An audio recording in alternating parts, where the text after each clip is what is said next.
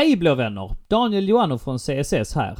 Innan vi slänger oss in i dagens avsnitt och medan ni förhoppningsvis har öronen spetsade vill jag inleda med att informera om att CSS medlemsregistrering är öppen. Det är vi, supporterföreningen Chelsea Supporter Sweden, som står bakom denna podd och vi gör mycket annat bra också. Vi skriver artiklar, vi förmedlar biljetter, vi för svenska Chelsea-supportrars talan, vi distribuerar, samordnar och samspelar, bland mycket annat. Att bli medlem i vår fina förening kostar bara 175 kronor per säsong och för det får man en medlemsgåva, en medlemstidning och ett personligt medlemskort. Man får dessutom mycket lättare att köpa biljetter till Chelsea-matcher och så får man den där speciella känslan av blå gemenskap som det innebär att vara med i en ideell förening på detta vis. Är du Chelsea-supporter i Sverige är det en självklarhet att sluta medlemskap i CSS. Och det är dessutom busenkelt. Man fyller i ett formulär och swishar medlemsavgiften. Det tar under en minut. Tack till alla som sluter medlemskap och till dig som inte gjort det ännu. Ta nu och få tummen ur redan idag och bli medlem i Sveriges enda officiella Chelsea supporterförening. På vår hemsida på Svenska fans hittar du Google-formuläret. Det är alltså www.svenskafans.com england chelsea. Där finns det dels en artikel och under fliken Bli medlem hittar du samma formulär. In där redan idag. En sista uppmaning. Nu jäklar börjar vi detta avsnitt.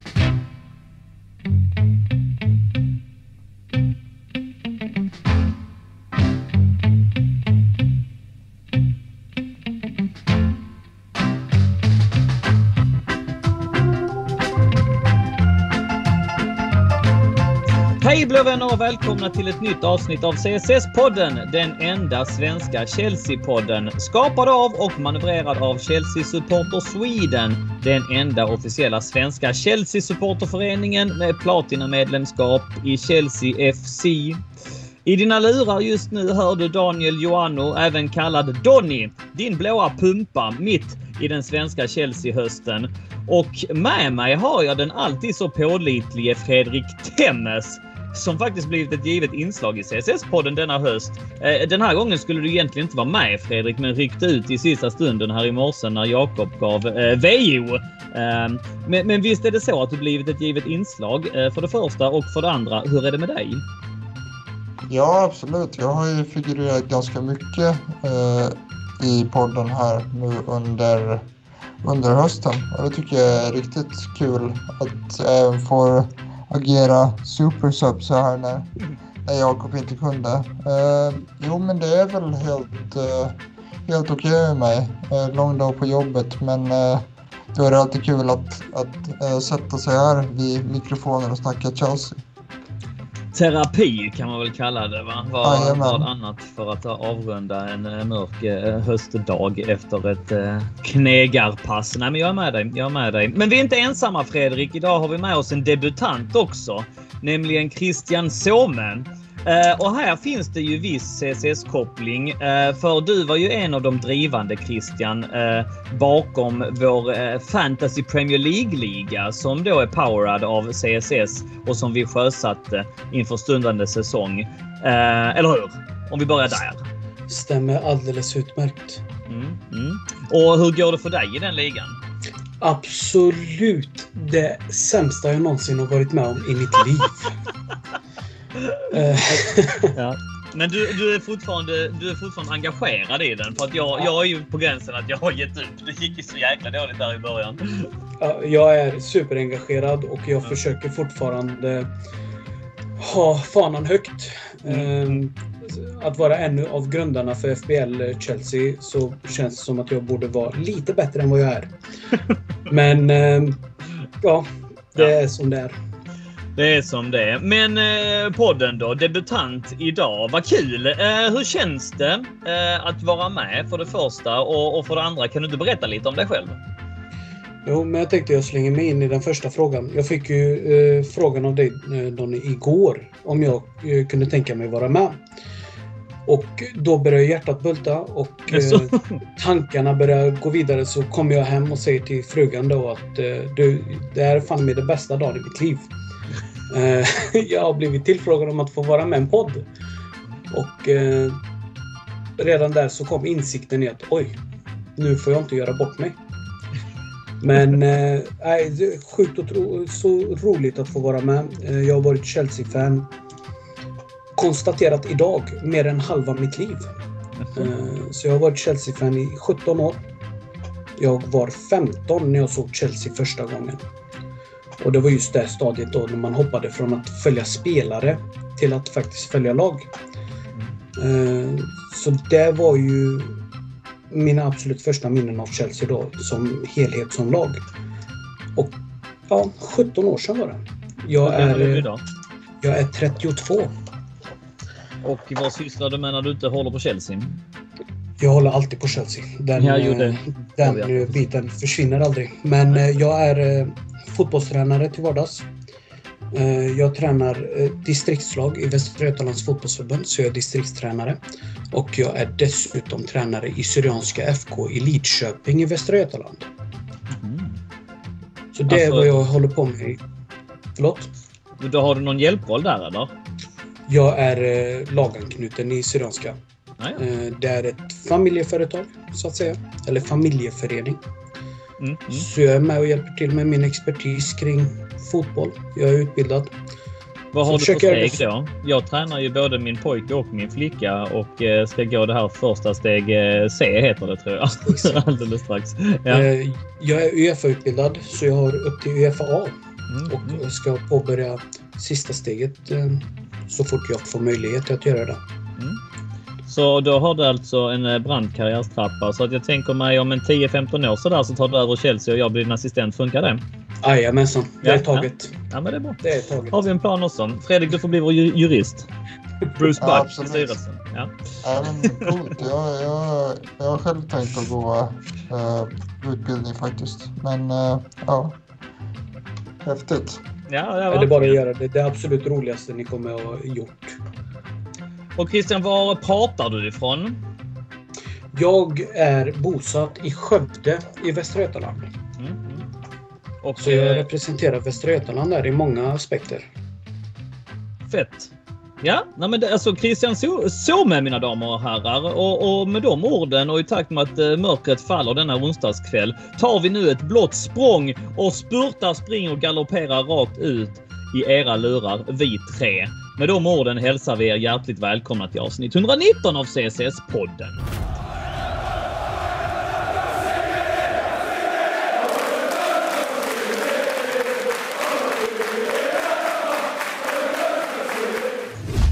Ja, så är det vänner. Introduktionsfraserna är avdammade och vi slängde oss därmed in på avslutet. Det var väl så dags, eller hur? Och jag tänkte så här att eh, för två veckor sedan spelade vi in två avsnitt i CSS-podden. Vi hade ett standardavsnitt och ett eh, frågestunds På spåret-avsnitt, eh, jag och Oskar. Jag vill passa på att tacka för all fin respons och, och fortsätt jättegärna att engagera er i CSS-podden-gruppen på Facebook. Eh, därefter tog vi lite landslagsuppehållspaus och är nu tillbaka.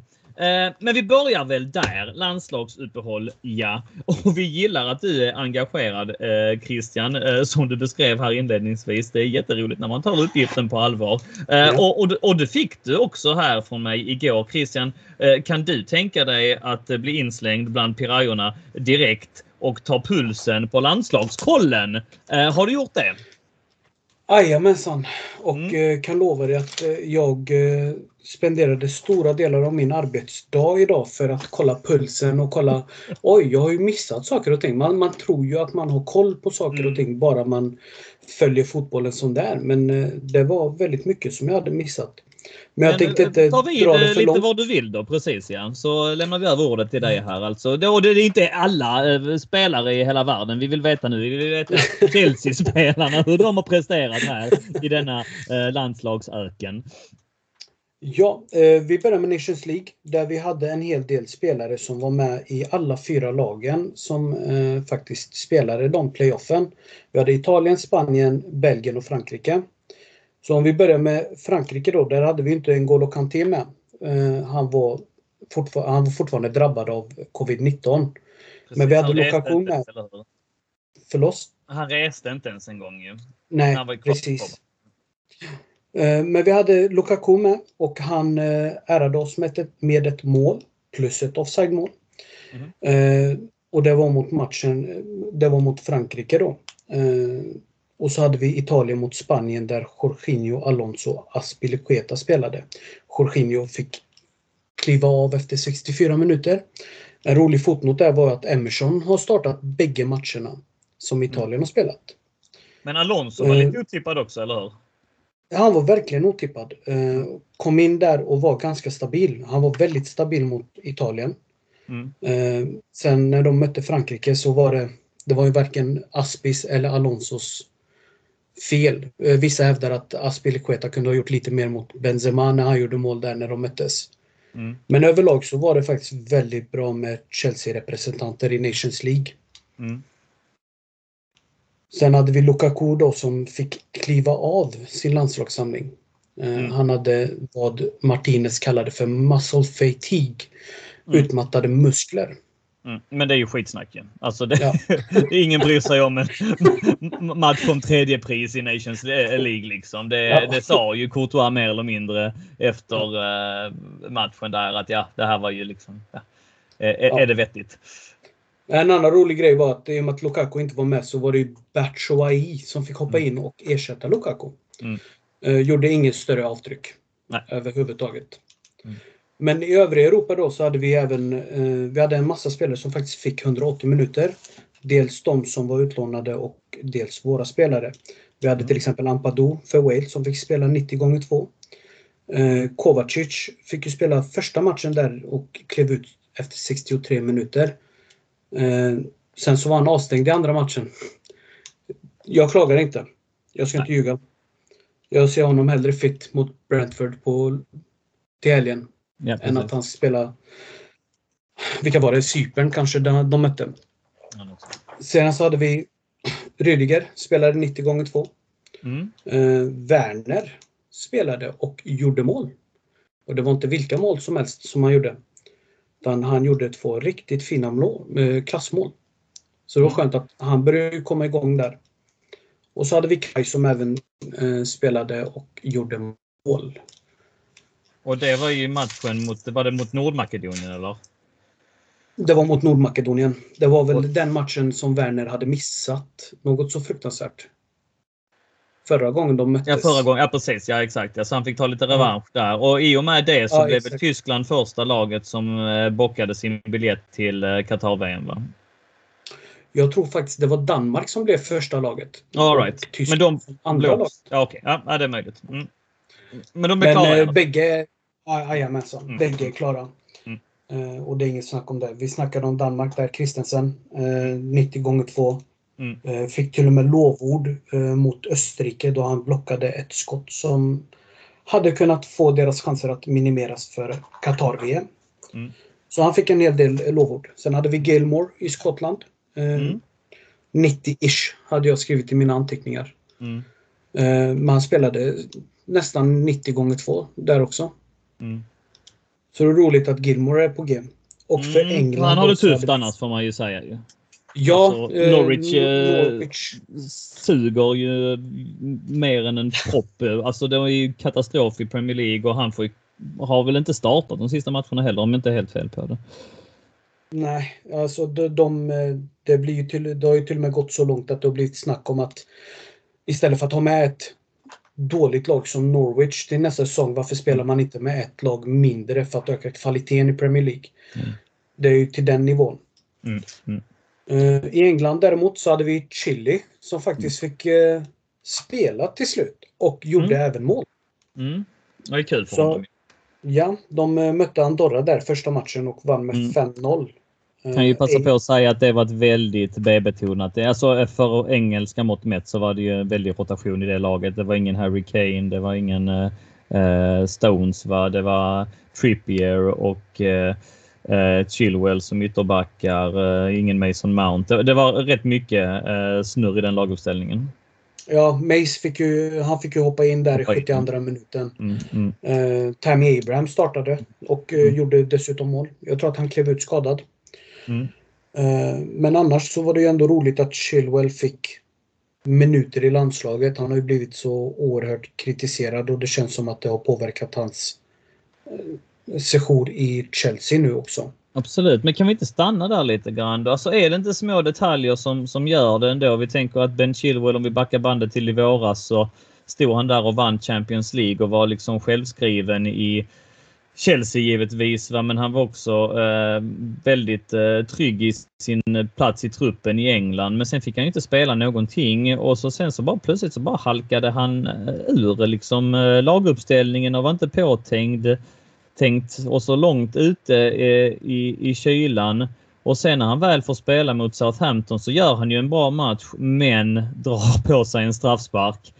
Men sen så kanske det har vänt för honom för att där har vi liksom två stycken incidenter eh, som händer. Dels då att han sätter 3-1 målet som blir räddat av, inte VAR, men av, av Haka i alla fall. Alltså det hade ju inte blivit mål för några år sedan för att det, det, det såg inte jag från tv-soffan att den var inne.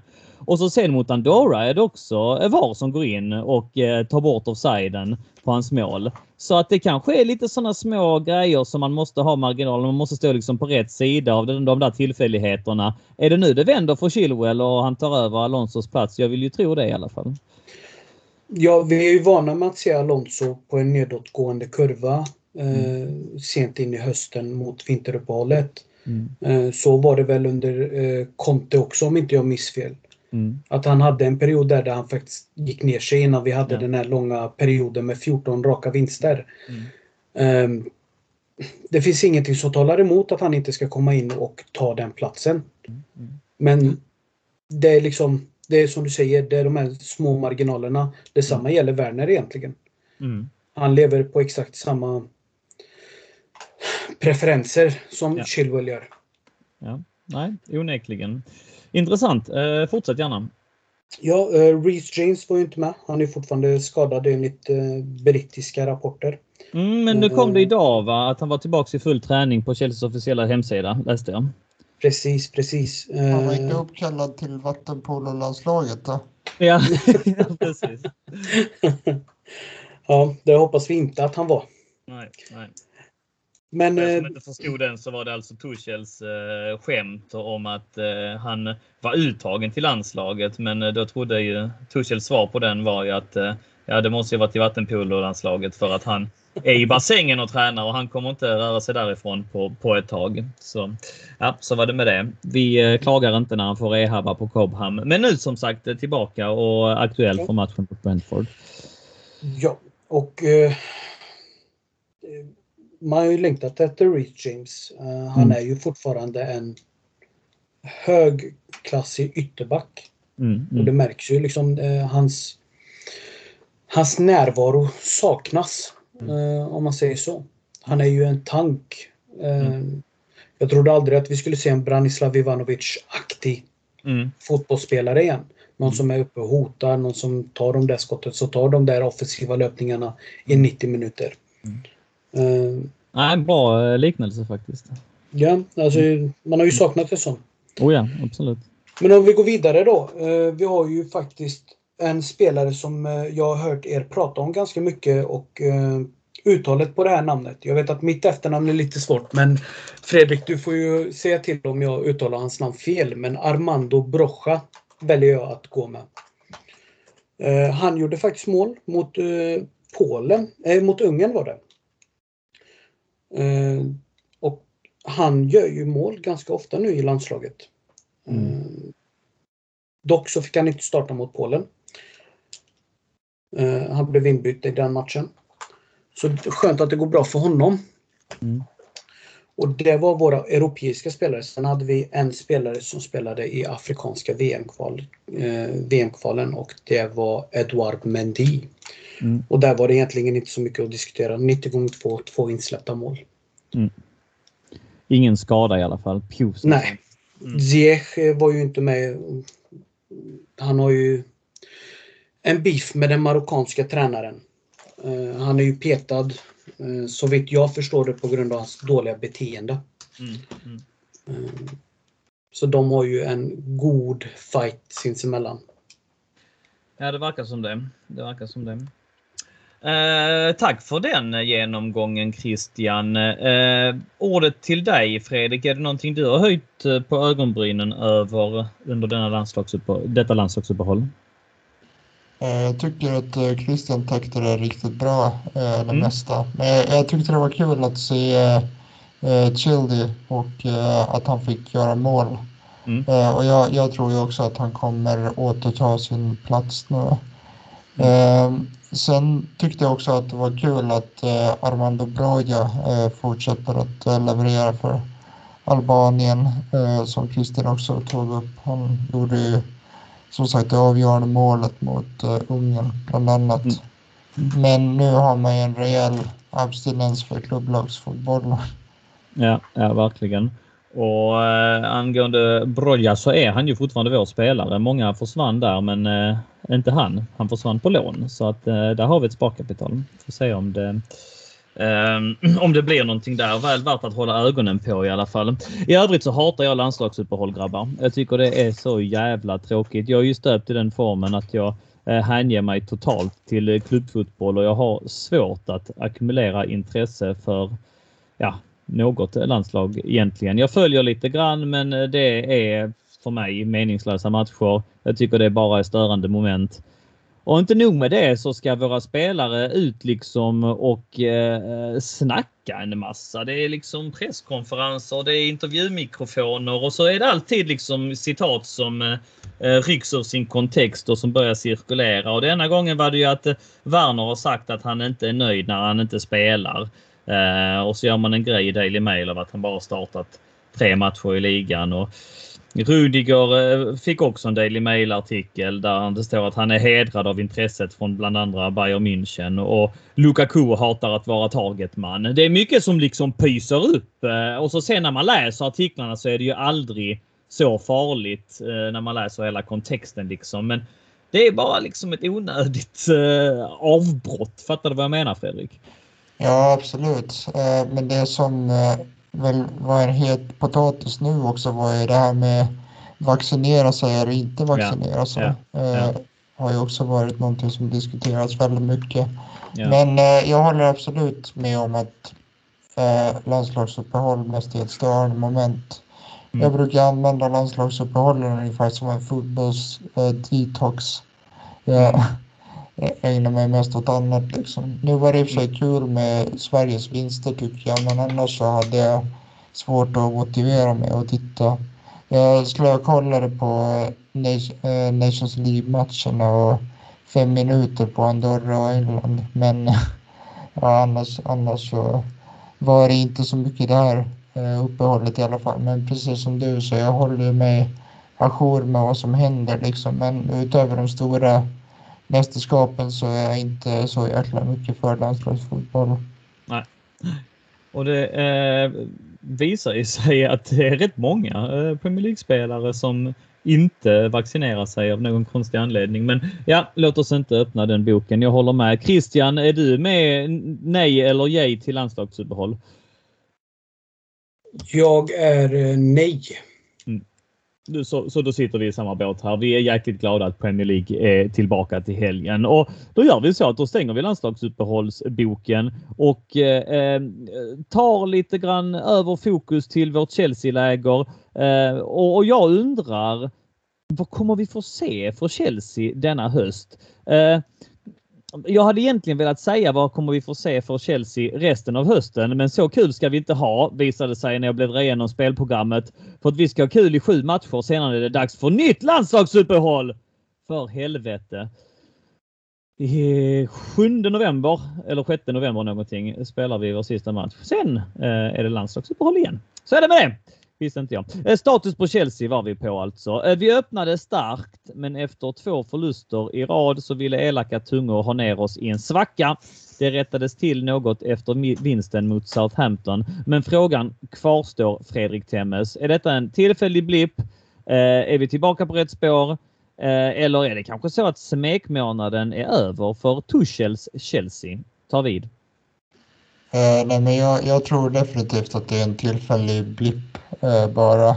Mm. Och eh, det är ofta så liksom att när vi förlorar så är det ju eh, så har ju eh, fansen till de rivaliserande lagen väldigt roligt och, och Mm. säger att nu är smekmånaden över. Men jag vet inte om jag skulle kalla nio månader och en Champions League-vinst för en smekmånad. Jag tycker att det har gått så pass lång tid nu så att man, man eh, har ju sett att eh, Tuchels eh, Chelsea är på riktigt. Mm. Så jag är inte särskilt orolig. Alltså det, det är ingen skam i sig att förlora mot City, eh, men sättet vi förlorade på var ju däremot en käftsmäll. Men de var ju helt enkelt mycket bättre eh, den här gången. Eh, med det sagt så borde vi definitivt ha gjort det bättre mot eh, Juve.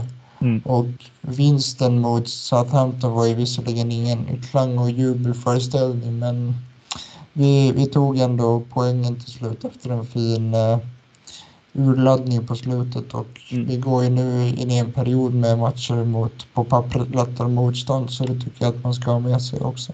Ja. Vi har ju trots allt haft ett väldigt, väldigt tufft eh, spelprogram. Så Mm. att nu, nu följer en längre period med matcher som alla ser vinnbara ut. Mm, mm. Ja, nej, men verkligen alltså, och, och, och det får vi inte glömma. Vi leder ju trots allt eh, ligan på 16 poäng. Fem vunna, en oavgjord och en förlorad. Jag tror att man hade tagit det på förhand ifall jag ska vara helt ärlig.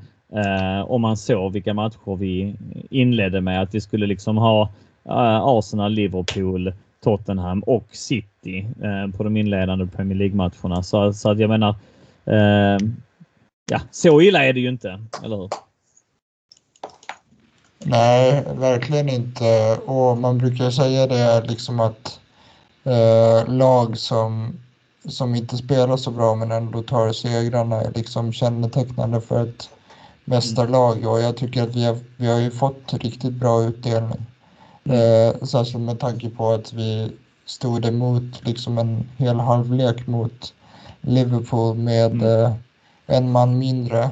Mm. Eh, men sen så är det ju också så att, jag menar tittar man på prestationerna så tycker jag egentligen någonting som jag nämnt i tidigare avsnitt att vi har egentligen bara närmat oss eh, någon slags eh, maxprestation i två halvlekar hittills och det, det är ju då dels den andra halvleken mot eh, Spurs när vi körde över dem totalt Mm. och då den här andra halvleken på Anfield där vi verkligen gjorde det bra. Eh, Så vi har ju verkligen ett eh, sparkapital och ska ju kunna spela mycket bättre.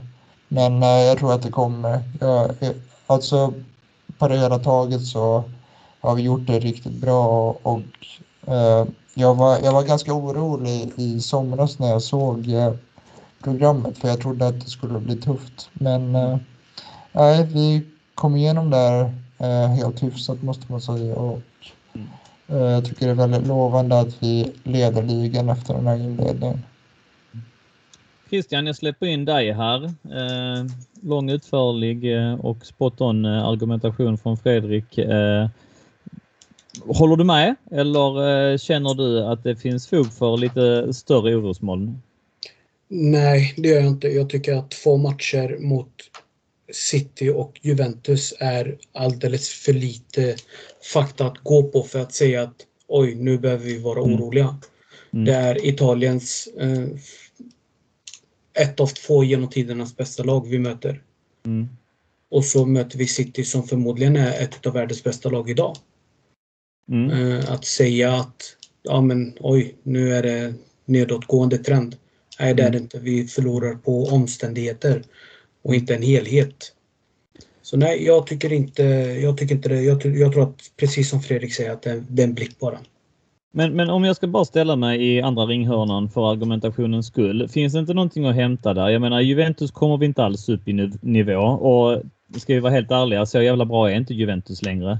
De förlorade för fan mot, var det Siena eller var det, ja, nej, de har ju blandat och gett eh, onekligen inledningsvis i säsongen. Eh, mot, Aston Villa, eh, både i ligacupen eh, kom vi undan med blotta förskräckelsen. Eh, mot Aston Villa eh, i Premier League så var vi urusla första halvlek.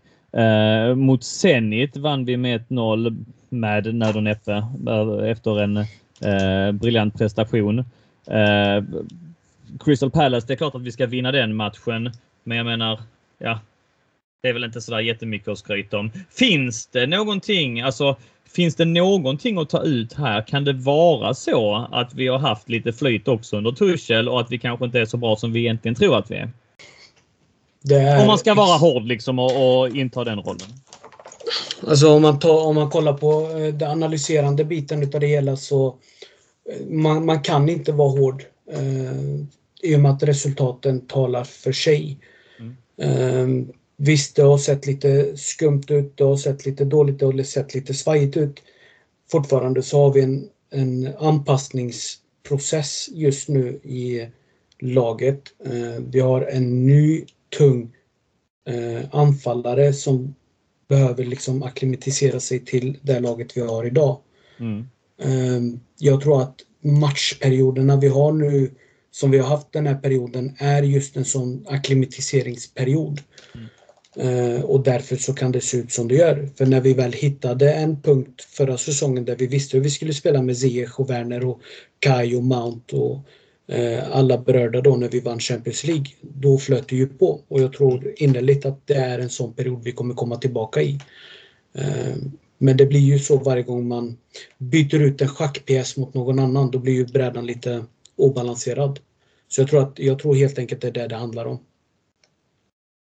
Men då är vi i alla fall tre eh, överens om att vi eh, har haft fina prestationer, men det finns också mer att ge och Christian är inne här på att får man igång Lukaku så kan man eh, få en bättre harmoni i hela laget, Fredrik.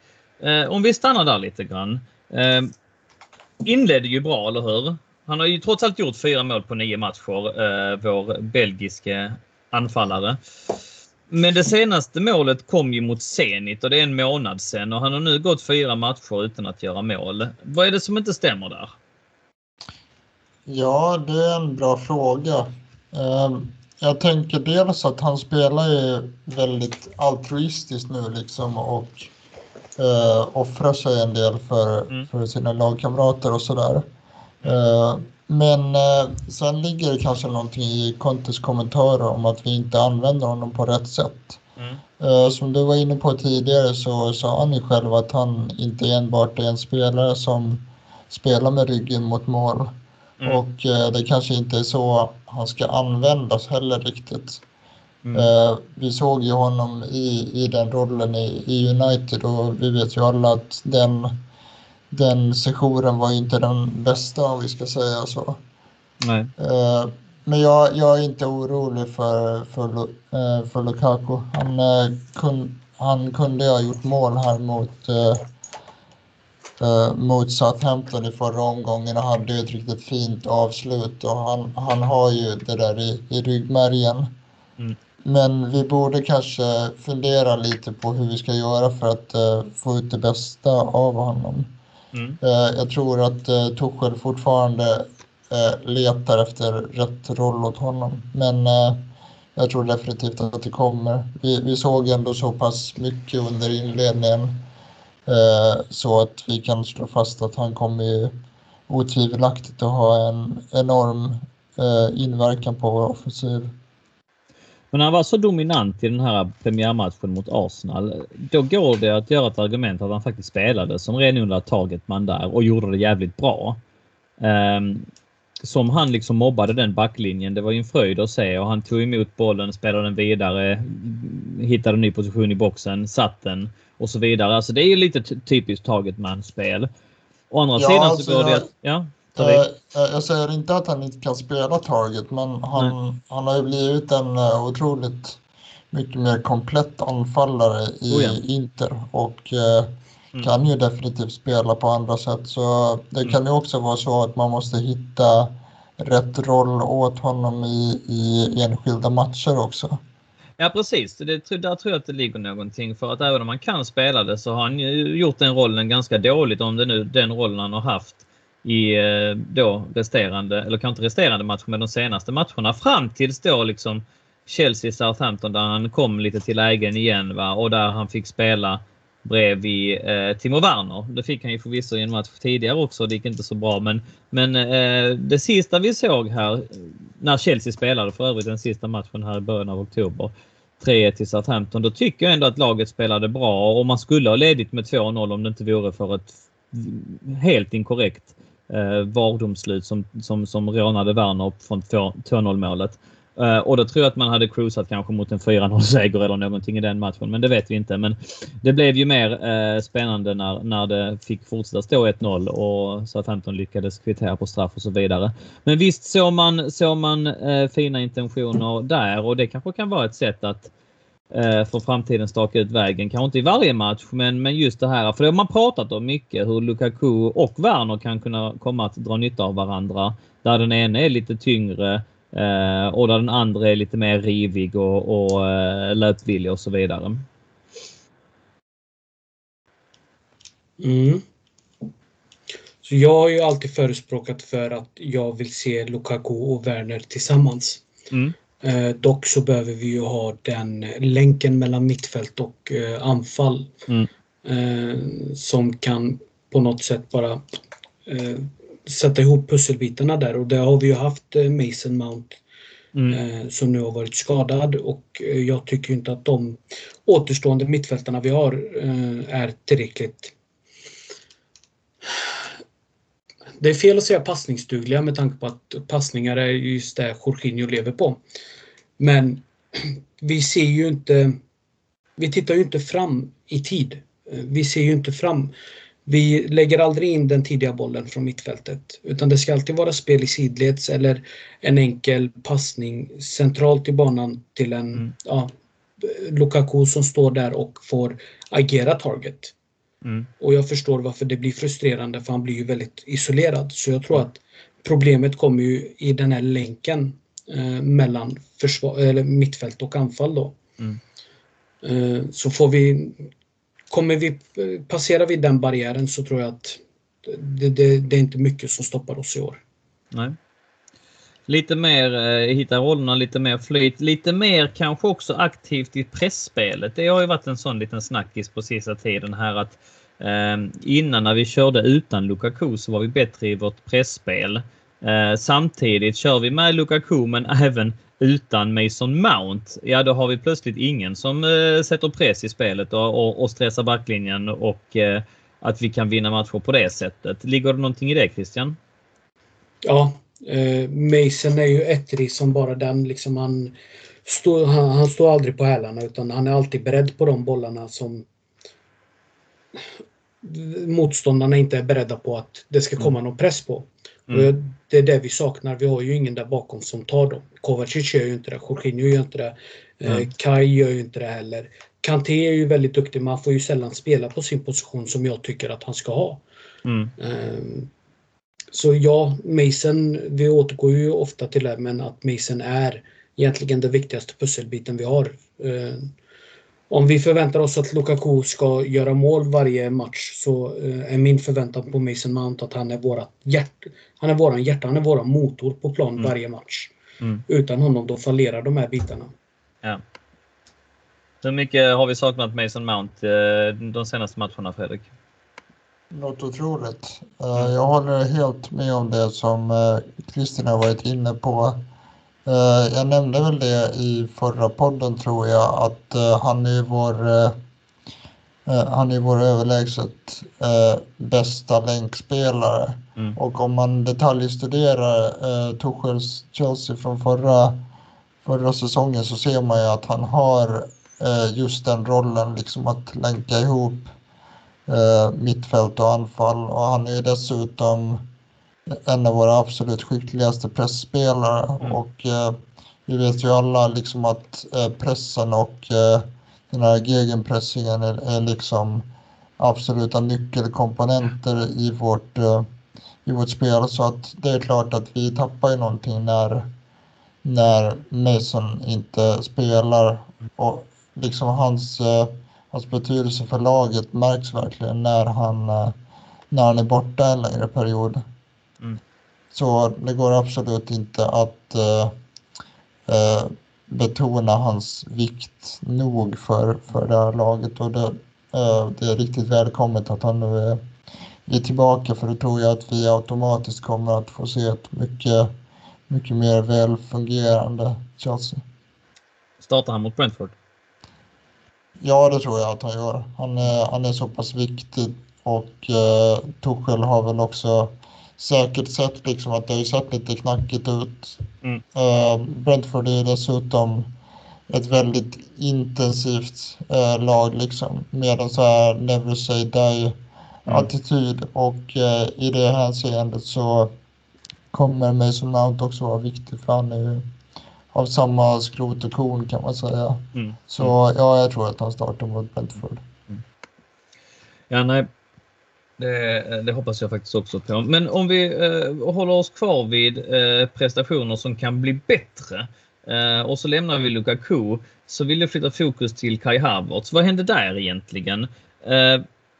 Jag hade hoppats att detta skulle vara Kai Havertz säsong och Christian, jag tog ut honom i min eh, Fantasy Premier League-lag, i mitt Fantasy Premier League-lag. Eh, han liksom avgjorde Champions League för oss. Han skulle bara bygga vidare på det efter en något knackig första säsong. Eh, Men är det någon mer än jag som är besviken på att han inte har tagit mer utrymme inledningsvis i säsongen? Eh, vi kan börja med dig Christian. Om man jämför med början av förra säsongen så tycker jag att han har inlett betydligt bättre än vad han gjorde Mm. förra säsongen i alla fall. Eh, Men det känns som att, jag var inne på det här med akklimatiseringsperioden Mm. och det känns som att han fortfarande är där. Mm. Eh, Havertz är ju inte riktigt en spelare man förknippar med en buse utan det är ju mer en finessspelare. Mm. Och att eh, vara en finessspelare i Premier League är förmodligen det svåraste man kan åstadkomma. Det är inte alls många spelare som klarar av det. Eh, Men om man kollar hans prestationer mot Liverpool eh, innan vi fick eh, Reece James utvisad. Mm. Där tyckte jag att han kom upp i nivå. Han var extremt farlig. Ja, det är också sådana små aggressiv. marginaler. Det var ju han som fick sätta till liksom. Han fick betala priset. Han gjorde ju målet, nickade in den jättefint, men sen så blev var det han som blev utbytt i paus. Det kanske satt lite tonen för, för resten liksom. Han var inne i ett fint flow där och det hade man gärna kunnat eh, spekulera i hur det hade gått annars om inte det blev avbrutet. Ja, ja, det... What if and why? Mm. Eh, liksom man, man, det är de här små marginalerna som vi alltid återkommer till. Mm. Eh, däremot så kan man antingen argumentera för att han bör, i och med den säsongen han hade eh, förra säsongen och hur, hur pass mycket han kom upp i nivå till Mm. slut. Mm. Och varför blir det en typ av reset varje gång vi har någon typ av uppehåll på Mm. Kai Havertz?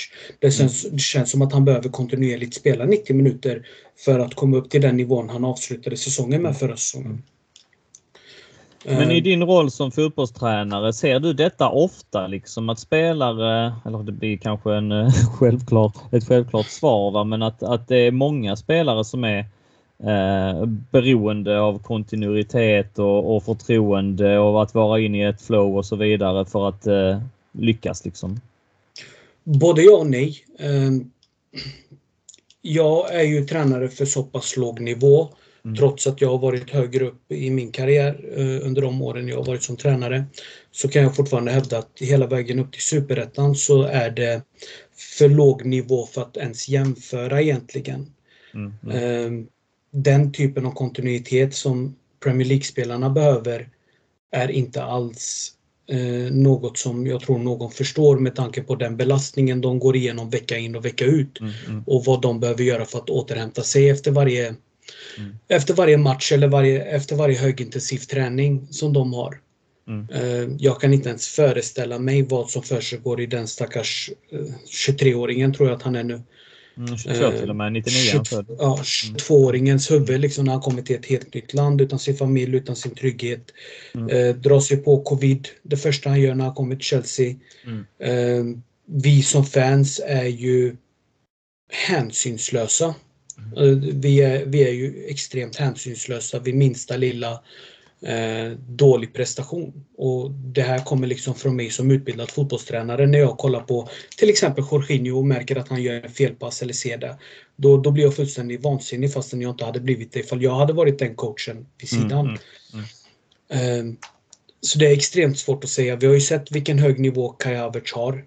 Eh, Men vi ser även att det alltid saknas någonting. Det är alltid... Hade vi behandlat honom på samma sätt om han var 27? Om vi jämför honom med Ziyech till exempel. Mm. Mm. För jag Nej, upplever, att, jag upplever ju att de två spelarna är på samma nivå. Mm. Med fem års skillnad. Varför är vi mer kritiska mot Ziyech än vad vi är mot Kai Havertz? Nej, det, det, ligger, det ligger någonting i det. Absolut. Vi stannar på Kai Havertz, eh, Temes, och bollar över till dig. Eh, Får jag flika in en eh, anmärkning, anmärkningsvärd eh, stat om eh, Werner bara som jag Ja, vet om ni inte har sett? Eh, vet ni hur många bortdömda mål han har haft sedan han kom till eh, Chelsea? Ja, jag läste det faktiskt. Ja, Det är alltså 16 stycken. ja det är helt sjukt. Och Eh, dessutom så missar han alltså 29 big chances under säsongen så vi har ju definitivt ett sparkapital i honom om man nu plötsligt skulle komma igång. Mm. Men eh, vi, vi återgår till Havertz då och jag tycker att det är riktigt förvånande faktiskt. Jag tyckte att han tog eh, stora kliv i slutet av förra säsongen och började den här ganska lovande men på sistone så har han varit helt ur slag. Mm. Eh, Men med det sagt så jag tycker att det är alldeles för tidigt att avskriva hans säsong. Eh, Mm. Den, är, den är lång och vi kommer liksom se många toppar och dalar eh, Mm. för alla spelares form. Men jag tror definitivt inte att han har gynnats av att spela med eh, Ziyech som har varit en vandrande bedrövelse ju Mm. eh, efter en fin försäsong. De är, de är ju snarlika spelartyper och söker ungefär samma ytor och inga löpare utan de vill ha, ha bollen till sig. Eh, Men med det sagt också så ska ju Havertz kunna vara bättre än vad han har varit nu. Eh, vi, vi såg ju som sagt under, eh, under förra säsongen i vissa stunder vilken otrolig nivå han har i sig. Mm. Men eh, just nu så är han eh, rättmätigen eh, bänkad tycker jag. Han får eh, jobba sig tillbaka i startelvan genom, eh, genom bättre inhopp helt enkelt. Ja, nej, men så är det. Och sist han spelade så var det just mot eh, Juventus och jag, jag tycker det är synd eh, för att man får ändå chanser när man spelar i Chelsea. Det är rätt många som får chanser, men det gäller att ta dem. Och man får inte hur många som helst. Så att när jag håller med dig, han får nu finna sig i att vara bänkspelare. Sen samtidigt så är det väldigt vettigt det du säger där också. Eh, och väldigt vettigt det du säger också Christian. Var att, eh, eh, det är för tidigt på säsongen för att skriva av honom, även om man hade hoppats på mer. Eh, men rent åldersmässigt så den måste man väva in också. Det är klart att man eh, har hoppet uppe på en eh, yngre spelare i större grad än, än på en äldre spelare kanske. Att det finns en viss dynamik där att omfamna faktiskt. Så att ja, nej, nej, men så är det. Ska- vi, ska, vi, ska vi lämna lite, lite tråkiga prestationer där hem och, och, och kanske flytta över på lite roligare prestationer då istället? Då? Ja. Ja, ja, men då, ja, då gör vi det. Eh, apropå den här eh, eventuella Werner-samarbetet. Eh, såg ni den här eh, videon som eh, det här sponsrade inlägget med Yokohama? Det var faktiskt rätt roligt när, när de blåste Werner. Ja, det var fantastiskt kul. Ja.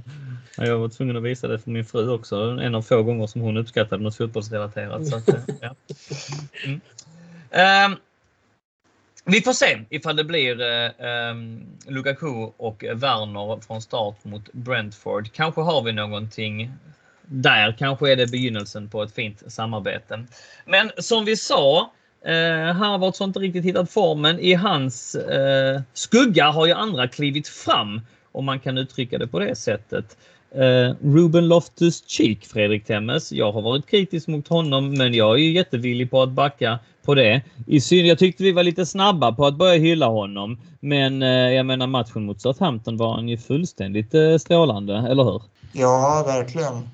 Det är helt otroligt. Jag hade i princip räknat bort honom efter hans svaga lån i, i Fulham och trodde aldrig att vi skulle se honom på samma nivå som under eh, Sarri. Nu har vi ett väldigt litet bedömningsunderlag men alltså det ser ju väldigt lovande ut och vi, vi vet ju, vi vet ju vad, vad Tuchel har gjort med perifera spelare i den här truppen så att fan vet om han inte kan eh, kan ta fram det där igen.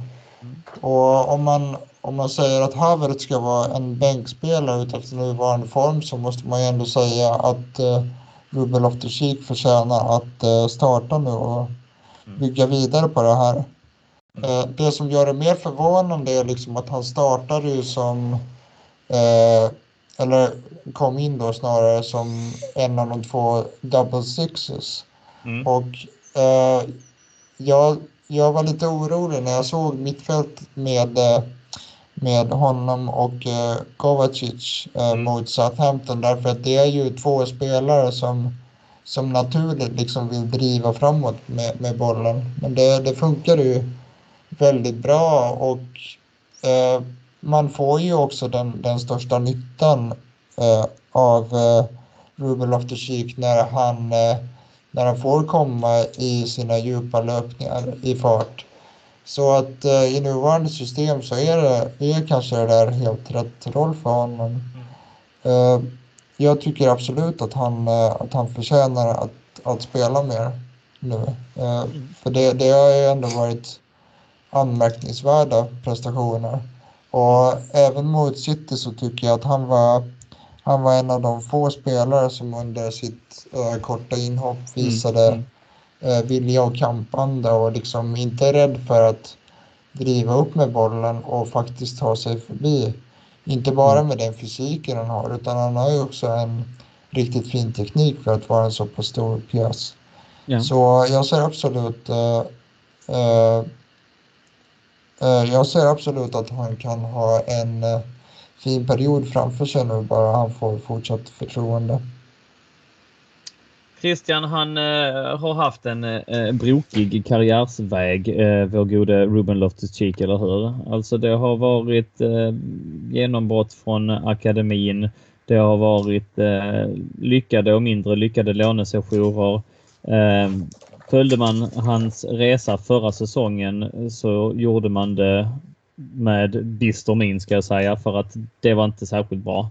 Eh, de matcher jag såg han spela i Fulham Eh, var långt ifrån imponerande insatser. Eh, vi vet om att han drog på sig den här eh, jätteonödiga skadan i den här uppvisningsmatchen, en hälseneskada och att det har varit en lång rehabväg tillbaka. Men har vi någonting här? Är, är Ruben Loftus-Cheek på väg uppåt?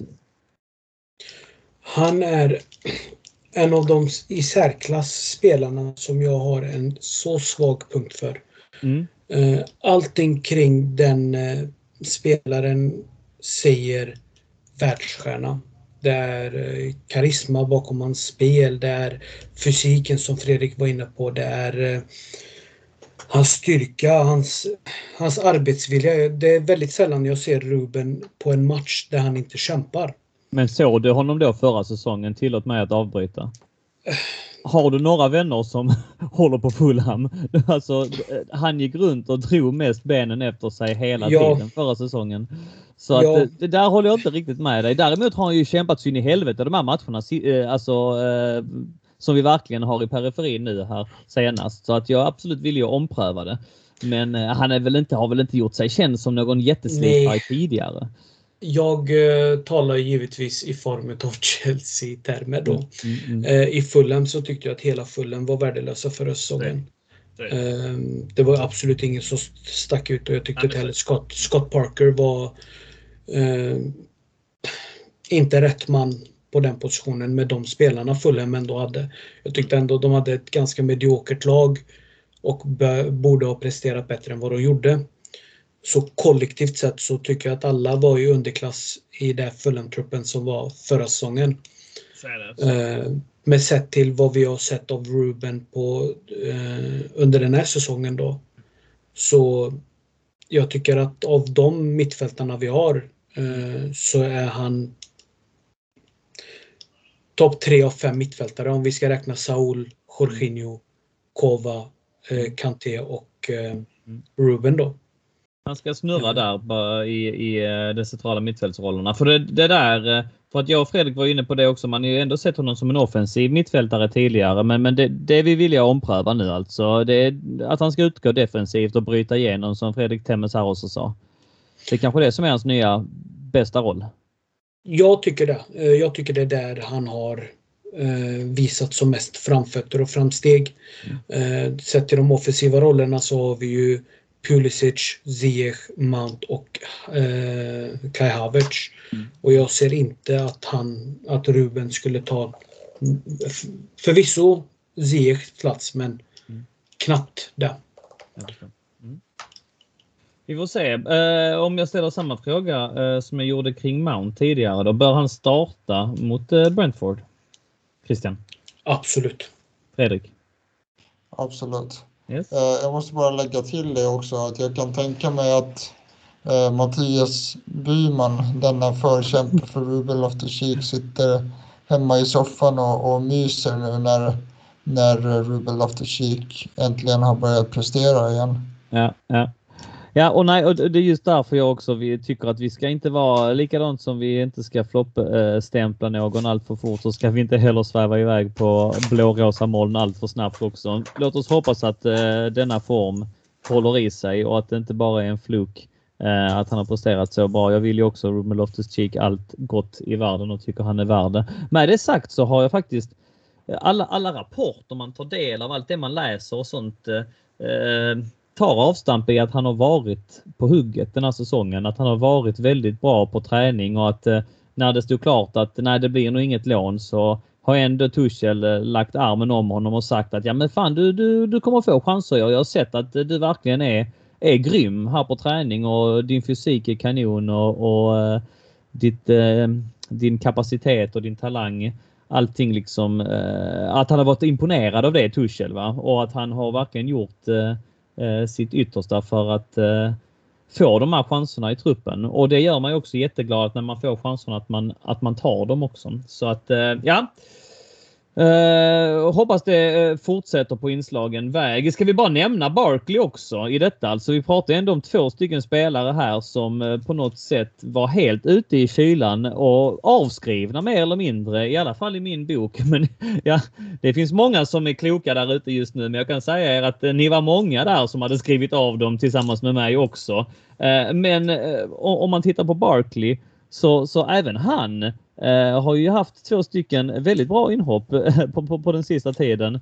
Eh, mot Southampton så är det ju hans öppnande passning som banar för eh, Ja, det blir 3-1 målet, eller hur? 2-1 målet menar jag såklart, men när vi, Timo Werner stöter in den, det förlösande 2-1 målet. Den öppnande passningen nu till Aspilicueta. Sen är det ju en fantastisk prestation av Aspilicueta också. Eh, men även eh, i, i matchen innan så Eh, hade han ju en, en, en jättebra pass när han kom in Ross Barkley mot Juventus, eller hur? När, när han hittar Lukaku och Lukaku eh, tyvärr missar eh, sin, sin genombrytning. Det är ett skott som kanske bör sitta. Eh, men eh, Barkley, Fredrik Temmes, har vi någonting där att hämta? Alltså det verkar ju som att Thomas Tuchel kan väcka liv i vilken spelare som helst. För jag, jag trodde inte att vi skulle se eh, Ross Barkley spela för Chelsea igen. Det, det var ju också otroligt att den enda klubben som ville låna honom var ju eh, Inter Miami. Ja, just i USA, Vil- ja. eh, eh, vilket väl i och för sig hade passat, man, passat honom med tanke på hur mycket han uppskattar nattlivet. Men eh, skämt åsido, ska vi, ska vi återvända till hans prestationer på plan så har han ju verkligen gjort avtryck när han, när han fått chansen. Den här hockeyassisten han hade som du var inne på var ju faktiskt helt eh, obscen. Och det är ju det är lätt att glömma att han har ju eh, spetskvaliteter. Det är bara det att vi har eh, fått se dem väldigt eh, sällan i, Ja. i Chelsea-tröjan. Och han blev ju aldrig riktigt vad han skulle, skulle kunna bli. Men ska han fortsätta så här så kan han säkert ha någonting att tillföra. Christian Eh, kort om jag- Barkley. Ja, förlåt. Jag, eh, jag vill också skän- skänka en tanke till eh, stackars eh, Saul som nu verkar ha blivit något slags sjätte alternativ där bakom. Bakom, Bakom Louis Baker. Ja, precis. Eh, Baker får kämpa på där i U23-laget. Eh, eh, kanske får han också chansen någon gång. Jag vet att du sitter där och hoppas. Ja, ja. ja, vi får se. Men eh, kort om Barkley då, eh, Christian.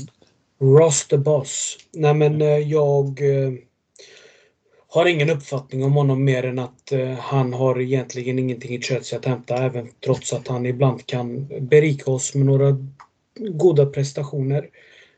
Jag ser hellre att vi har Gallagher än vad vi har Ross Barkley.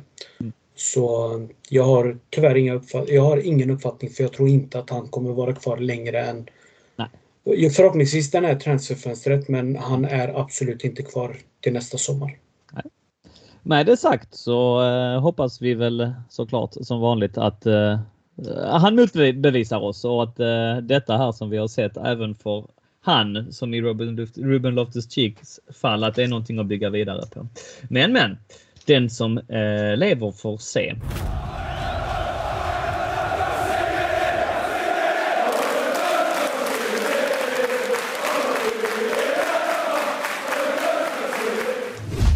Vi har pratat lite planen, vi har pratat lite Chelsea, vi har pratat lite spelare. Eh, någonting som det har pratats om också innan vi går in på eh, Brentford-matchen, det är ju utanför planen. Det stora fokuset där har varit kontraktssituationerna.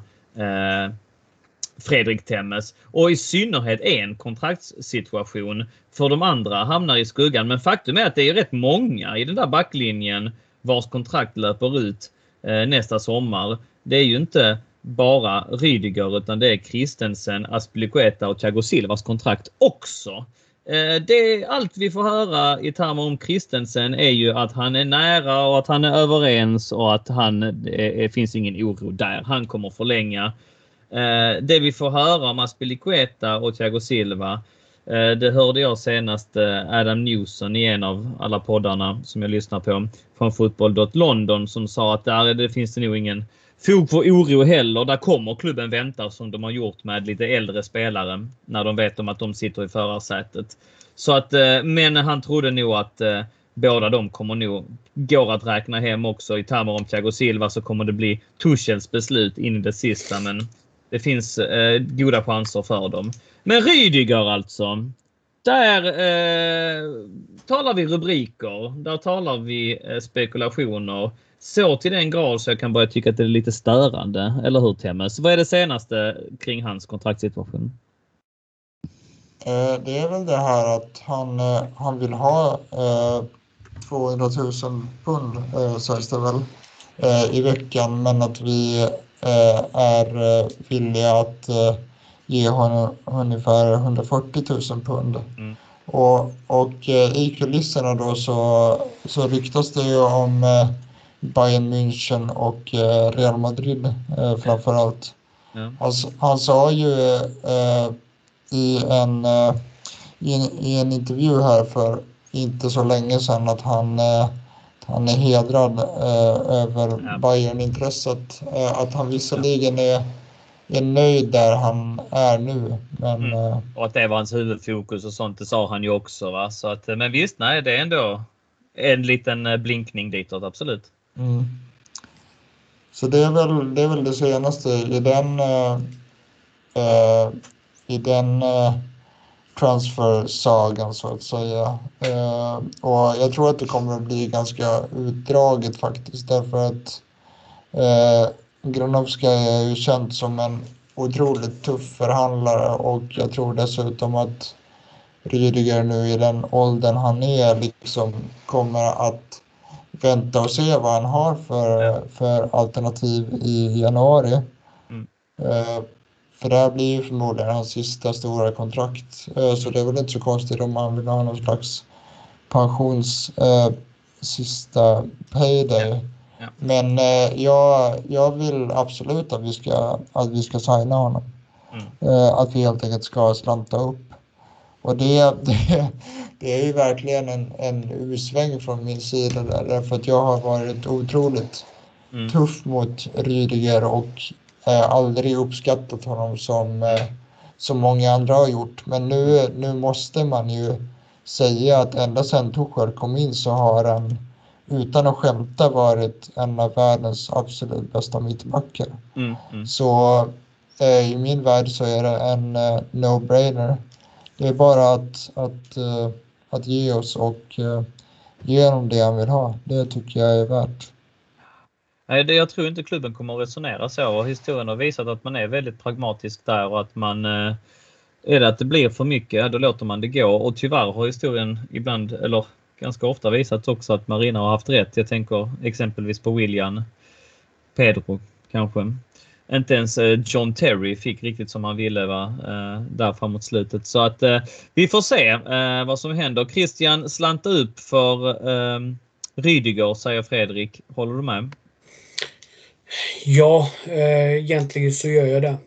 Dock så håller jag även med dig Daniel om att Maria kommer inte att tänka så som vi gör.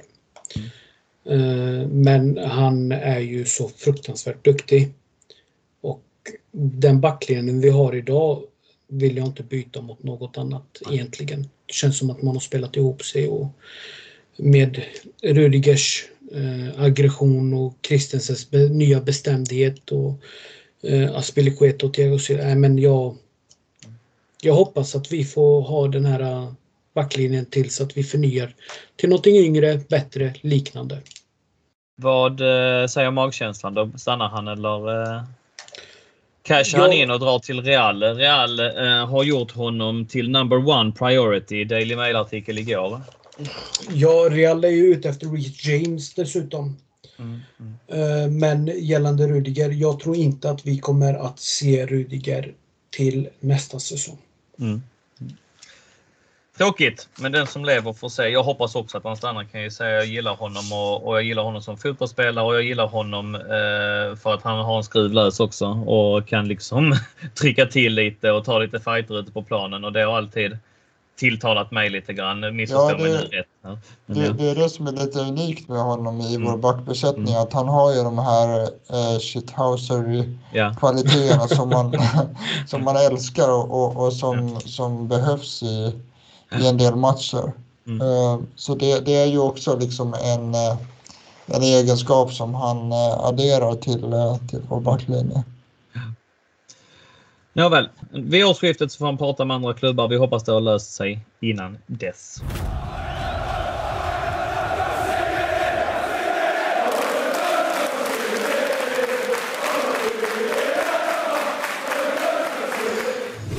Fredrik, vi har en match. Premier League är tillbaka och eh, podden rinner iväg mot sitt avslutande skede. Eh, men som sagt, den sena lördagsmatchen väntar. Brentford borta.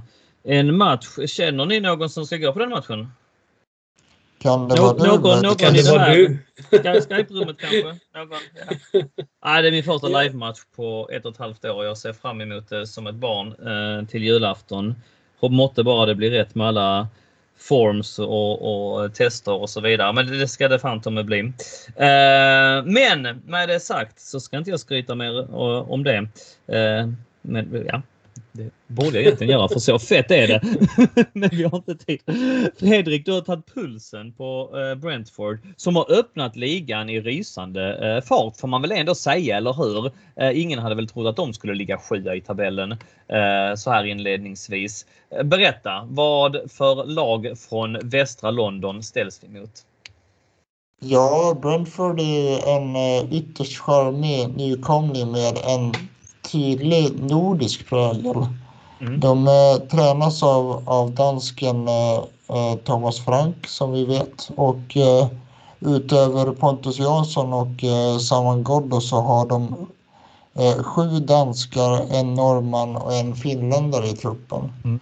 Och eh, ska vi ha någon slags eh, Chelsea-koppling så kan vi säga också att de värvade den stora talangen Miles Pert Harris i somras här också. Han har inte fått spela någonting än. Uh, nåväl, de tog uh, steget upp till uh, Premier League efter att ha slagit uh, Mark Guehis uh, Swansea i playoff-finalen. Mm. Och uh, sen dess så har de inlett säsongen riktigt fint med tre vinster, tre oavgjorda och endast en förlust. Mm. Det som är mest notabelt är väl deras vinst med 2-0 mot Arsenal i premiären och även deras 3-3 eh, hemma mot Liverpool i säsongens kanske mest underhållande match mm, hittills. Mm. Men eh, de har även spelat lika mot eh, Aston Villa och vunnit mot West Ham. Ja, senast mot och, West Ham, just det. Och den, den matchen såg jag ju ganska mycket av och där var de absolut inte dåliga.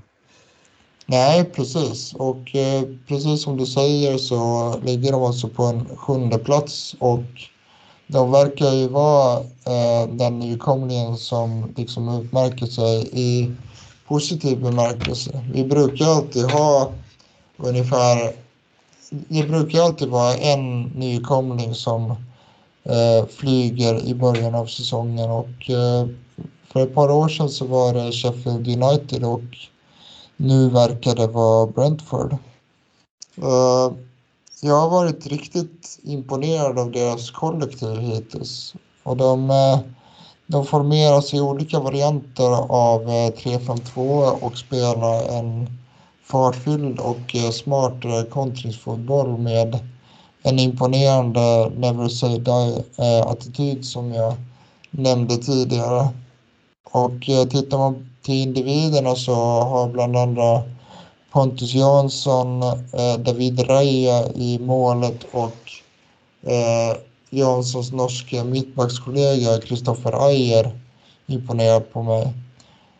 Eh, dessutom så har de ju ett eh, starkt forwardspar i Brian Mbuemo som jag har varit väldigt imponerad av och eh, även eh, Ivan Tony som då vann eh, skytteligan i The Championship förra säsongen med hela 31 mål. Ehm, jag sa för några poddar sedan att de kommer ställa till problem för många topplag så det kommer bli en ytterst eh, tuff match. Och det som gör den här matchen ännu tuffare är att allas vår vän Anthony Taylor kommer att döma eh, matchen.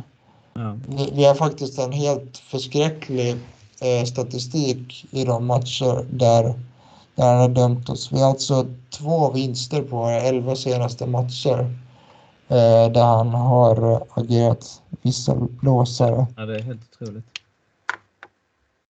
Någonting annat att se för? Eller eh, är du nöjd där? Uh, ja, man kan väl... Hur slår man dem? Är det Mike Dean i varummet? ja, precis. Ja, det är klart.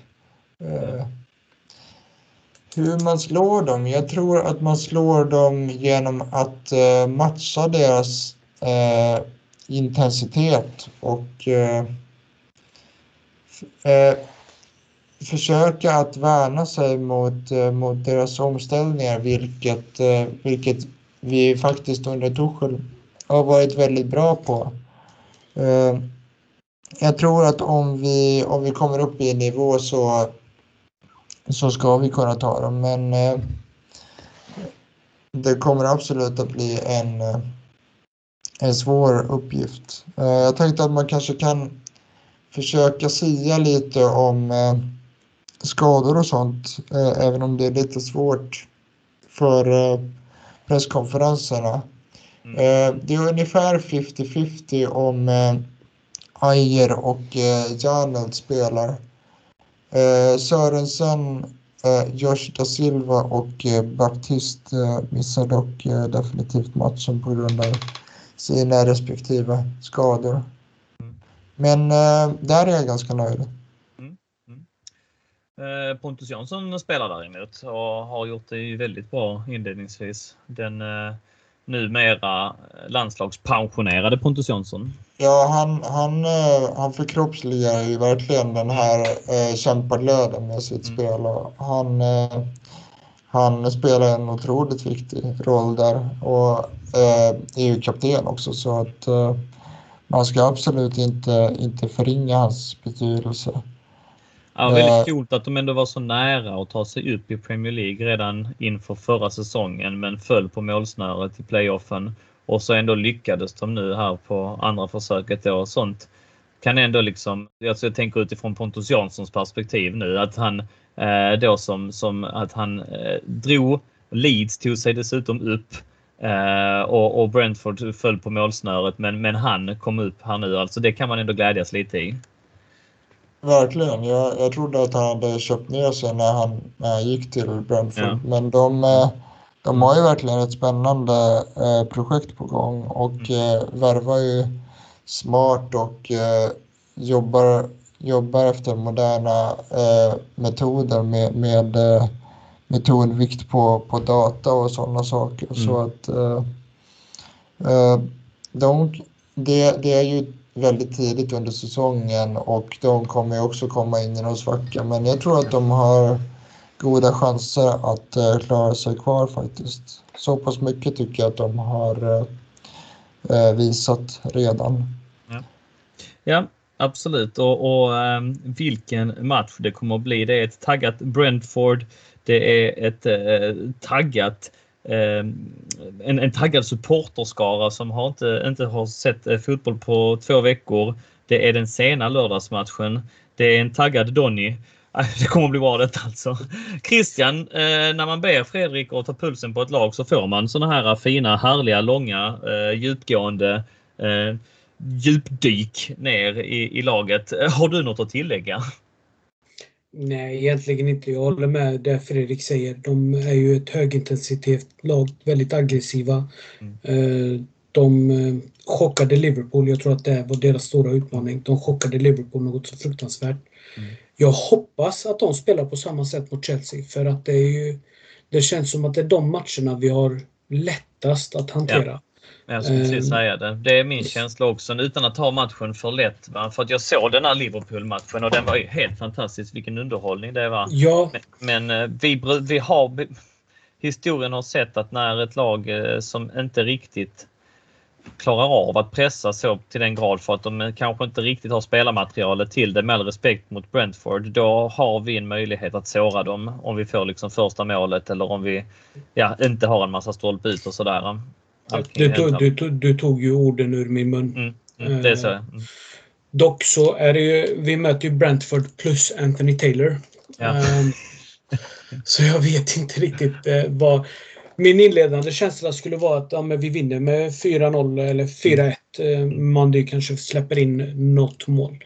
Mm. Och så kommer vi att kontra sönder dem för att de försöker se på någonting som de lyckades mot Liverpool och tror att det kommer funka två gånger om. Mm. Eh, å andra sidan så kan det vara så att de är tillräckligt smarta för att veta att Chelsea har problem med lågstående försvar. Mm. Och inte högt stående försvar.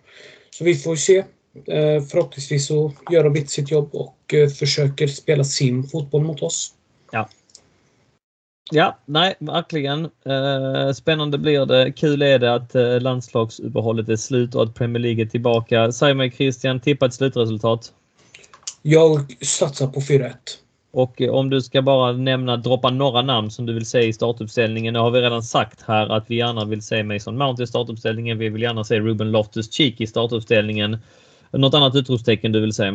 Var, var landade vi i Werner, eh, Lukaku-frågan? Kör vidare på dem eller? Ja, delad, delad anfallsuppsättning skulle jag säga. Och vem tar den tredje platsen då? Mason Mount? Ja. Yes. Temes, vem spelar bredvid Ruben Loftus-Cheek? Kovacic? Det är en bra fråga. Eh, jag tror att eh, det... Ja, det, det, det var faktiskt en himla, himla bra fråga. För jag, jag tycker egentligen att eh, Kovacic och Ruben Loftus-Cheek är, li, är, är lite omaka i och med att de är samma spelartyper. Men jag vet inte heller om eh, Jorginho är en så pass bra idé mot, mot ett så intensivt lag. Och eh, Kanté eh, vet man inte riktigt fysiska statusen på. Nej. Även om han har tränat nu. Så ja, vi kan väl säga att eh, Kovacic och eh, Ruben Loftus-Cheek startar på det här mittfältet. Eh, Samtidigt är jag lite spänd på Jorginho, eh, Ruben Loftus-Cheek alltså. Det är bara någonting ja, där som säger det, att det, det kan det, låta bra. Det, det, är en bra kombination, men jag vet inte om det här är rätt match för Nej. Nej. Jogge. Nej. Um, sen, sen kommer de ju då förhoppningsvis att få understöd av, av Mason Mount, så jag tror att vi ska, vi ska klara av det där bra ändå. Och eh, vad, vad, vi går igenom backlinjen också när vi ändå är på gång. Eh, Rydiger, eh, Thiago Silva, eh, Christensen kanske. Eh, och så Reece James till vänster och Aspilicueta till höger. Om man tänker att Reece, eller eh, vad som, jag menar förlåt, Ben Chilwell till vänster och Aspilicueta till höger och Reece James på bänken, att han inte riktigt är tillbaks. Fredrik? Ja, jag är lite osäker på Thiago Silva faktiskt. Han, mm. han har ju en tendens att vilas i den nästkommande matchen efter ett landslagsuppehåll. Mm, mm, mm. Ja, det har han gjort. Han gjorde dessutom sin hundrade match för brasilianska landslaget. Fick lite rubriker där. Precis, ja, så att uh, jag tror att han kan komma att stå över den här matchen. Mm. Annars, så, annars så håller jag med om uh, uh, Rydiger Christensen då och... Uh, och Peter Chaloba där då? Jag är det. Um, Ja, men vi kan ju inte ta... Det, det, I så fall har vi... Alltså Reece James går ju inte in efter den skadan tror jag. Nej. Ja, och Callum Hudson-Odoi vill vi inte ha där. Ja, nej, men du, du har nog rätt. Uh, Chaloba tar nog den där högra, högra mittbacksplatsen då. Christian, håller du med om den backlinjen eller? Ja, uh, och jag tror dessutom också på Chaloba över Thiago Silva. Är det så? Är det, är det din önskan också eller är det din magkänsla? Nej, önskan skulle jag nog inte vilja säga. Jag skulle gärna, jag skulle gärna vilja ha Thiago Silva med tanke på hans huvudspel eh, och hans positioneringsspel ja. mot eh, Brentford. Men, eh, spelare är alltså. Ja, herregud ja. ja. Herregud ja. Men eh, jag skulle inte klaga om jag fick Chaloba heller. Jag tycker han har presterat fruktansvärt bra. Ja, nej men jag håller med. Helt rätt. Och eh, lördag kväll vet vi alltså. Spännande blir det. Vi eh, Hoppas på vinst givetvis och eh, jag hoppas på en eh, fantastisk underhållning på plats. Nu tror jag det var tredje gången jag sa det, men så är det. Med de orden kära vänner så är det dags att knyta ihop säcken. Eh, jag vill avslutningsvis påminna alla som har lyssnat på den här podden att följa oss på sociala medier. Det är supporterföreningen Chelsea Supporter Sweden som står bakom denna podd och man behöver inte vara medlem för att ta del av vårt ideella arbete. Men vill man stötta oss på ett enkelt sätt så kan man göra det genom att som sagt följa oss på sociala medier. På Instagram heter vi Chelsea Sweden Official och på Twitter heter vi at Chelsea Sui. Och vill man bli, med, bli medlem i vår ideella förening så är den öppen för alla svenska Chelsea-supportrar. Det är bara in på vår hemsida på svenskafans.com. Klicka dig in på Englandsidan, klicka dig in på Chelsea-sidan så finns där massvis med information. Två lätta steg alltså att bli medlem. Man bara fyller i ett formulär och swishar avgiften och vips så är man medlem. Jag heter Daniel Johanno på Twitter om man skulle vilja följa mig. Fredrik har också Twitter. Sök på Fredrik Temmes. Och Christian, har du Twitter? Det har jag. Så med Christian heter jag så på Twitter. Christian. In och följ oss också. Varför inte? Det är ju skitkul. Och du är väl inne på svenskafans.com England Chelsea lite då och då. Där kan du läsa matchrapporter, krönikor och info om supporterföreningen och vårt arbete och mycket mer. Och lyssnar du på podden och ännu inte blivit eller gått med i CSS-poddengruppen på Facebook så kan jag varmt rekommendera det också.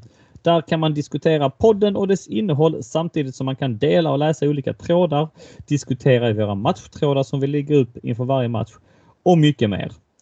Och så är det med det. Där avslutar vi detta avsnitt. Eh, Fredrik Temmes, tack så mycket för att du var med. Lika roligt som vanligt att vara igång med Premier League och poddande igen, eller hur? Ja, absolut. Eh, tusen tack. Det är alltid ett sant nöje att eh, snacka Chelsea i det här forumet.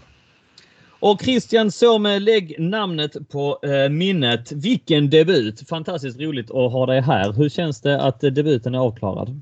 Tack så mycket. Jag hoppades på att vi skulle kunna hålla på en timme till. Ja. Men eh, det är som det är. Men eh, det är en milstolpe i livet och det är en upplevelse jag aldrig kommer att glömma. Är det så pass? Ja men gud vad roligt. Du kommer få en inbjudan här eh, någon gång igen i framtiden, inte allt för långt fram i framtiden och hoppas vi så att eh, eh vi räknar med dig nu eh, framöver. Så stort tack för din insats och det var mycket roligt att ha dig med. Tack så mycket. Ett sista rungande tack går till dig som har lyssnat. Vill du så får du jättegärna droppa en kommentar i CSS-podden-gruppen på Facebook för att diskutera avsnittet, skicka en hälsning eller bara skriva något peppande. Till Christian till exempel för hans debut. Sånt uppskattas alltid.